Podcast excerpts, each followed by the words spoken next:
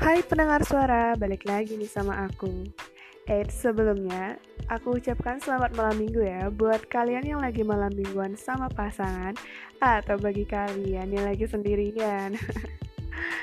Daripada malam mingguan kalian galau, mending rebahan sambil dengerin podcastnya suara kita aja. Nah, karena pada episode kali ini bertepatan dengan malam minggu, maka kali ini aku akan membahas tentang cinta-cintaan, yaitu mengenai mencintai dalam diam. Widih, widih. Ini nih, kisah klasik yang sering dialamin anak muda pastinya. Menurut aku nih ya, mencintai seseorang dalam diam itu terkadang memang menyakitkan tetapi terkadang juga itu merupakan hal positif yang membuat kalian bahagia loh mendengar suara. Yang membuat mencintai dalam diam itu terlihat menyakitkan ya sebenarnya. Yang pertama, kalian nggak bisa mengungkapkan isi hati kalian kepada doi dan cuma bisa ngelihat dia dari jauh aja. Hmm.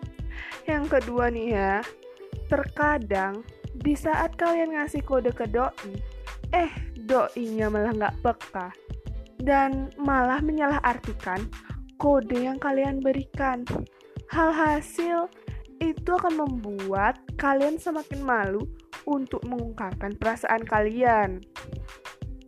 Dan yang terakhir nih ya, karena kalian hanya bisa mencintainya dalam diam, kalian juga nggak bisa marah saat doi dekat dengan yang lain. Hmm, itu sih sakitnya luar dalam ya pendengar suara. Eits, tapi tapi tapi nih ya. Terkadang mencintai dalam diam pun memiliki dampak positif loh dalam beberapa hal ya. Karena mencintai seseorang itu adalah hak semua orang. Namun, itu kembali kepada masing-masing individunya.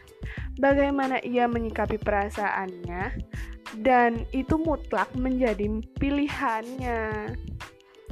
Nah, intinya nih ya, buat kalian pendengar suara, apabila nih ya kalian saat ini sedang merasakan hal tersebut, kalian harus yakinkan dulu pada diri kalian, apa kalian udah benar-benar mencintainya atau hanya sekedar.